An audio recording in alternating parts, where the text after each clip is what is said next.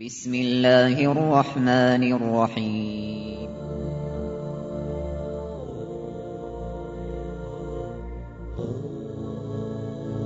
الرحمن العزيز الرحيم القوي السلام الكريم العظيم البصير العليم الحكيم الجبار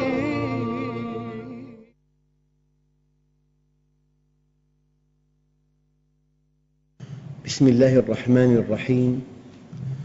الحمد لله رب العالمين والصلاة والسلام على سيدنا محمد الصادق الوعد الأمين. اللهم أخرجنا من ظلمات الجهل والوهم إلى أنوار المعرفة والعلم ومن وحول الشهوات إلى جنات القربات. أيها الإخوة الكرام مع اسم جديد من أسماء الله الحسنى والاسم اليوم الجميل. وقد ورد هذا الاسم في صحيح مسلم من حديث ابن مسعود رضي الله عنه أن النبي صلى الله عليه وسلم قال لا يدخل الجنة من كان في قلبه مثقال ذرة من كبر. لا يدخل الجنة. من كان في قلبه مثقال ذرة من كبر. قال رجل إن الرجل يحب أن يكون ثوبه حسناً ونعله حسنة. قال عليه الصلاة والسلام إن الله جميل يحب الجمال. الكبر بطر الحق وغمط الناس. تعريف الكبر. بالمناسبة أيها الأخوة لو عندك كمية من اللبن قليلة وجاءك ضيوف كثر يمكن أن تضيف لهذا اللبن خمسة أضعافه ماء ويكون شراباً سائغاً. تحمل هذا اللبن خمسة أضعافه ماء. لكنه لا يتحمل قطرة بترول. إن أضيفت إليه قطرة واحدة من البترول تلقيه في المهملات لأن البترول يتناقض في طعمه مع اللبن. أما الماء لا يتناقض. كذلك الكبر يتناقض مع العبودية لله. فلا يدخل الجنة من كان في قلبه مثقال ذرة من كبر. لذلك قال عليه الصلاة والسلام لو لم تذنبوا لخفت عليكم ما هو أكبر. ما الذي هو أكبر من الذنب؟ قال العجب العجب. ورب معصية أورثت صاحبها ذلاً وانكساراً خير من طاعة أورثت صاحبها عزاً واستكباراً. لذلك الكبر يتناقض مع العبودية لله عز وجل. لا يدخل الجنة من كان في قلبه مثقال ذرة من كبر. قال رجل يا رسول الله إن الرجل يحب أن يكون ثوبه حسناً ونعله حسنة فقال عليه الصلاة والسلام إن الله جميل يحب الجمال. أما الكبر شيء آخر. بطر الحق أي رد الحق. وغمط الناس أن تبخسهم مكانتهم. أن ترد الحق أن ترى نفسك أكبر من الحق. أن تتكبر عن أن تنصاع للحق. أن تتأبى. وهذه معصية إبليس. أبى واستكبر وكان من الكافرين. فلمجرد أن ترد الحق وأن ترفضه وأن تتعنت وأن يركب الإنسان رأسه وأن تأخذه العزة بالإثم إذا هو الكبر. ولمجرد أن تحتقر الناس وأن تستهين بهم وأن ترى نفسك فوقهم. وغمط الناس. المؤمن يعترف بفضل الآخرين يعترف بقيمة الآخرين يعترف بإنجازات الآخرين. هناك من يسلط الضوء على ذاته فقط ويضع من حوله في التعتيم. هذا هو غمط الناس. فتعريف الكبر عند رسول الله صلى الله عليه وسلم الكبر بطر الحق أي رد الحق. وغمط الناس أن تزدري الناس. لذلك ليس من صفات المؤمن أن يزدري أخاه. بحسب المرء من الشر أن يحقر أخاه أن يرى نفسه فوقه. من علامات الإيمان التواضع. دخل على النبي الكريم رجل أصابته رعدة من هيبة النبي. كان عليه الصلاة والسلام له هيبة. من رآه بديهة هابه ومن عامله أحبه. قال هون عليك إنما أنا ابن امرأة من قريش كانت تأكل القديد بمكة. هون عليك. كان مع أصحابه في سفر أرادوا أن يعالجوا شاة. فقال عليه الصلاة والسلام بعد أن قال أحدهم علي طبخها والثاني علي سلقها وقال عليه الصلاة والسلام وعلي جمع الحطب. تواضعا لله عز وجل. حديث دقيق جدا. لا يدخل الجنة من كان في قلبه مثقال ذرة من كبر؟ قال رجل يا رسول الله إن الرجل يحب أن يكون ثوبه حسناً. ونعله حسنة. فقال عليه الصلاة والسلام إن الله جميل يحب الجمال. يعني الله يحبك أن تكون أنيق ثيابك نظيفة ومتعطر شعرك معالج. يحبك كذلك. إن الله جميل يحب الجمال. بالمناسبة إخواننا الكرام الإنتاج العقلي والشعوري للبشرية الإنتاج العقلي والشعوري للبشرية. لا يزيد عن علم وفلسفة وفن. فالعلم ما هو كائن والفلسفة ما يجب أن يكون والفن ما هو ممتع. من الفن ما هو مباح كأن تكون أديباً. الأدب جمال الكلمة التعبير المثير عن حقائق الحياة. أو أن يكون الفعل جميلاً هو الكمال. لذلك قالوا الإنسان فطر على حب الكمال وحب الجمال وحب النوال. الإنسان يحب الجميل. يعني يكون طفل جميل الصورة. يدع في قلب أبيه تعلقاً شديداً. وأحياناً يكون في عطاء خالص كريم. فالإنسان يحب المحسن. يا داود ذكر عبادي بإحساني إليهم فإن النفوس جبلت على حب من أحسن إليهم والإنسان يحب النوال العطاء والجمال والكمال. موقف كامل الوفاء الرحمة التواضع. أحياناً تقرأ قصة أو تقرأ سيرة تجد صحابي جليل كان أديباً أدباً جماً. أيكما أكبر أنت أم رسول الله؟ عمه العباس. أنا ولدت قبله وهو أكبر مني. أنا ولدت قبله وهو أكبر مني. في كلمات رائعة جداً. في تصرفات رائعة. في شكل رائع.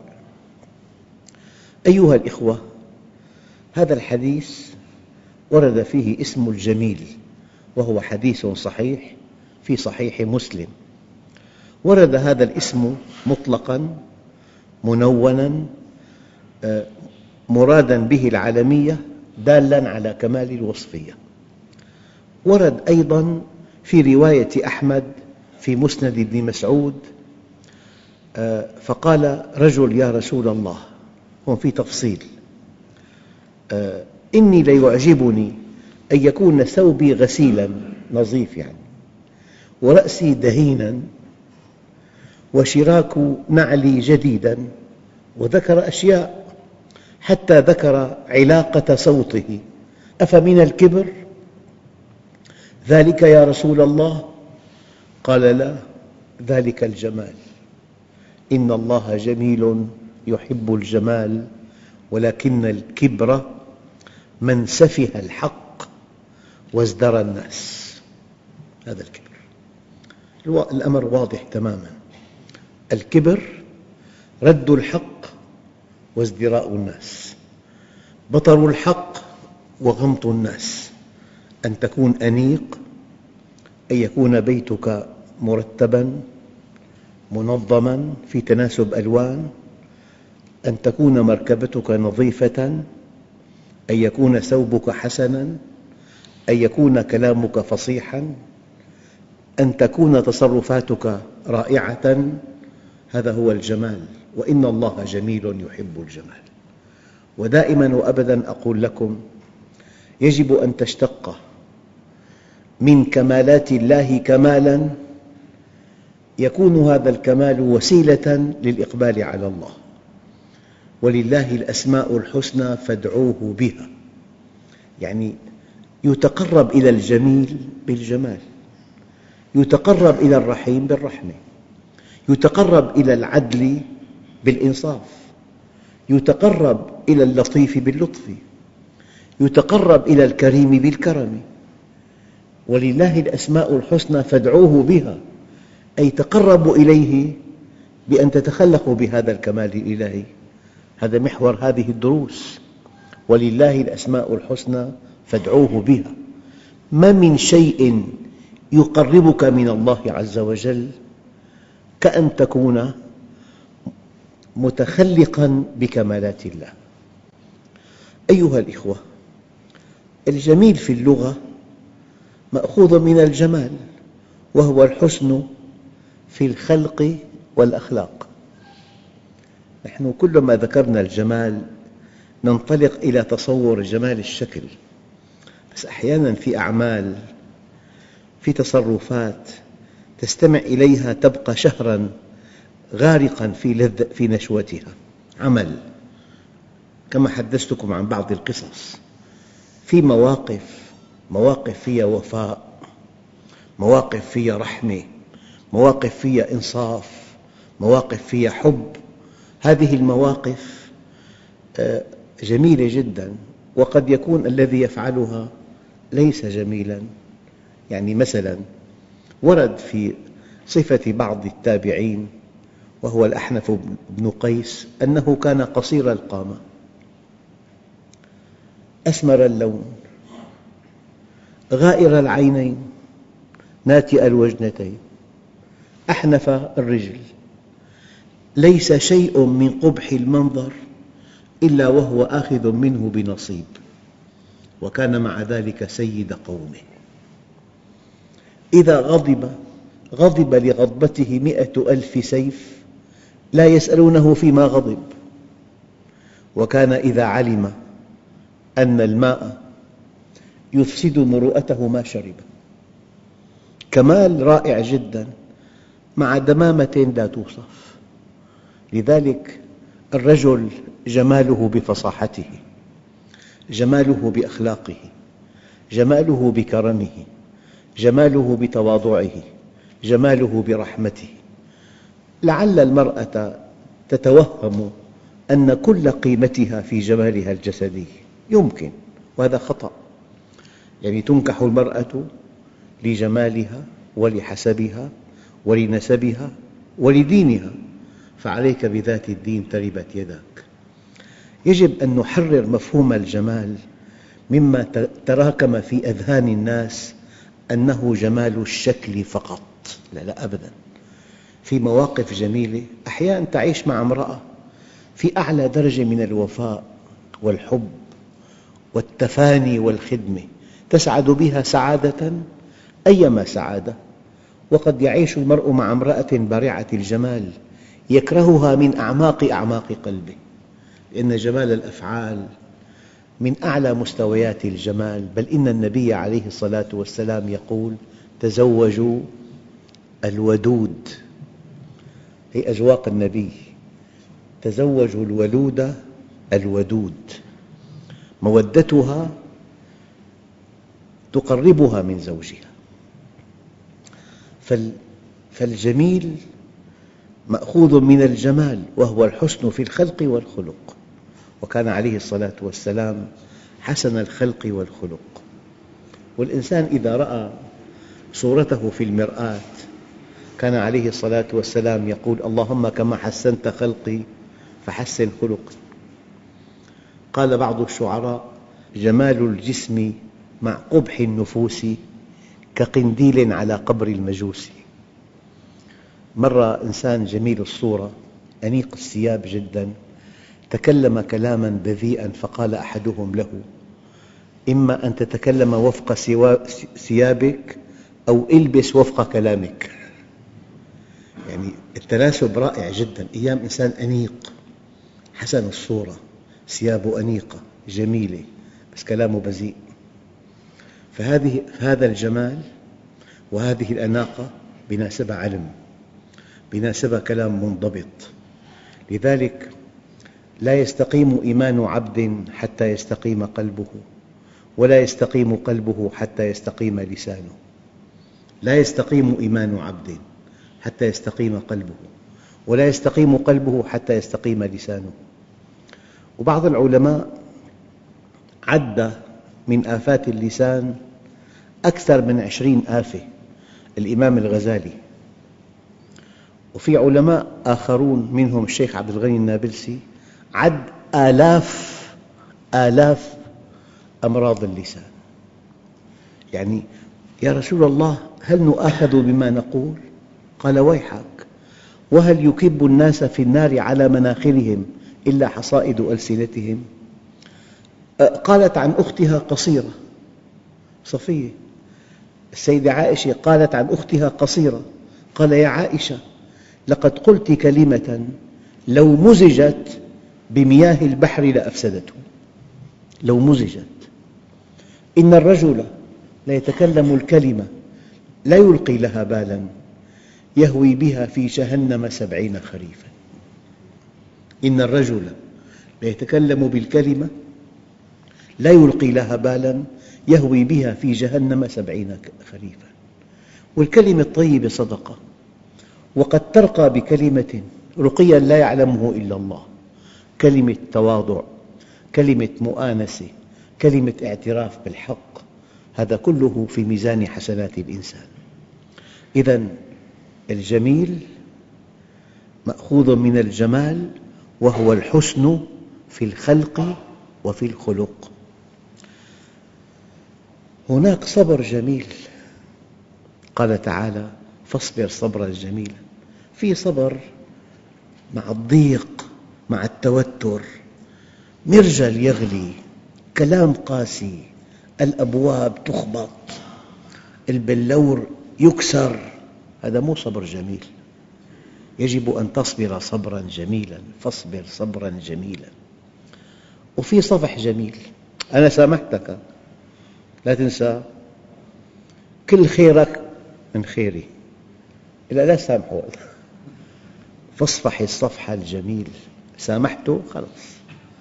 لا تذكره بخطئه. يعني مثلا أيهما أخطر؟ أن يتآمر إنسان على إنسان فيضعه في السجن أم يضعه في البئر؟ البئر الموت محقق. إخوة يوسف وضعوه في البئر والموت محقق. أما امرأة العزيز وضعته في السجن. لما التقى بإخوته ماذا قال؟ وقد أحسن بي إذ أخرجني من السجن. ما ذكرهم بجريمتهم؟ أما الخروج من البئر نعمة أكبر. الموت بالبئر محقق السجن غير محقق. من كماله ما ذكرهم بجريمتهم. وقد أحسن بي إذ أخرجني من السجن. أخواننا الكرام إن قرأتم قصص الأنبياء تخلقوا بأخلاقهم. الأنبياء مدارس مدارس. كل نبي له مدرسة. وعلى رأسهم سيد الخلق وحبيب الحق. إذا في صبر جميل وفي صفح جميل وفي فعل جميل وفي عفو جميل وفي عطاء جميل. أنا أتمنى الإنسان إذا فعل خيراً أن ينساه. وإذا فعل معه خير لا ينساه حتى الموت. أتمنى أنك إذا فعلت خيراً يجب أن تنساه وكأنك لم تفعله. أما إذا أسدي إليك معروف ينبغي ألا تنساه ما حييت. الله عز وجل جميل. قال جماله على أربعة مراتب. جماله على أربع مراتب. جمال الذات وجمال الصفات وجمال الأفعال وجمال الأسماء. أسماؤه كلها حسنى. أسماؤه كلها حسنى. ولله الأسماء الحسنى فادعوه بها قطعاً. حتى لو توهمت آه، أن اسم الجمال أن الأسماء الحسنى منها المنتقم. لو تبحرت في معنى المنتقم لذابت نفسك تعظيماً لله. لو تبحرت في معنى المتكبر لذابت نفسك تعظيماً لله. ولله الأسماء الحسنى فادعوه بها. فالله عز وجل جماله على أربع مراتب.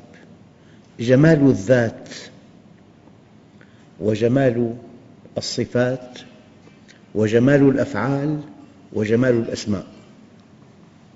أسماؤها كلها حسنى. وصفاته كلها صفات كمال. وأفعاله كلها حكمة. لذلك لما قال بعض العلماء الشريعة عدل كلها. لأنها منهج الله. رحمة كلها. حكمة كلها. مصلحة كلها. وأية قضية خرجت؟ من الحكمة إلى خلافها ومن العدل إلى الجور ومن المصلحة إلى المفسدة فليست من الشريعة. ولو أدخلت عليها بألف تأويل وتأويل حتى إن علماء العقيدة قالوا الحسن ما حسنه الشرع والقبيح ما قبحه الشرع. فالله عز وجل ذاته جميلة وصفاته جميلة وأفعاله جميلة وأسماؤه جميلة. لكن المشكلة أن جمال الذات لا يدركه أحد في الكون. لا يعرف الله إلا الله.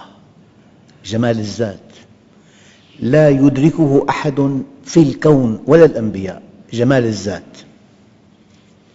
لكن جمال الصفات تدل على جمال الذات. وجمال الصفات محجوبة بأفعاله فأفعاله الجميلة تدل على جمال صفاته وجمال صفاته تدل على جمال ذاته. ذات صفات أفعال. أنت ترى أفعاله ترى الربيع ترى العصفور ترى الوردة. ترى الزهرة ترى طفل جميل الصورة. هذه كله أفعاله. أيام تأكل طعام طيب. من أودع في الطعام هذا الطعام؟ أيام يهب نسيم عليل تنتعش به. من ساق هذا النسيم؟ أحيانا ترى مرج أخضر. من أعطى هذا اللون الجمال؟ ترى السماء الزرقاء البحر الصافي الجبال الخضراء. الأطفال الذين وهبهم الله مسحة جمال. في إنسان قد يفتن بابنه من جماله. طيب هذا هي كلها أفعاله. أفعاله تشير إلى صفاته وصفاته تشير إلى ذاته. جمال الذات لا يعلمه أحد في الكون ولا الأنبياء. لذلك قال بعض العارفين لا يعرف الله إلا الله. حصراً. نحن مع جمال الأفعال. نرى المطر تنعش الأرض. نرى النبع الماء الزلال. نرى الفاكهة الجميلة. منظر الفاكهة جميل جمال رائع جدا. يعني بيزينوا بعض الغرف بصور فاكهة. فاكهة جميلة. البساتين جميلة. الماء الرخراق جميل.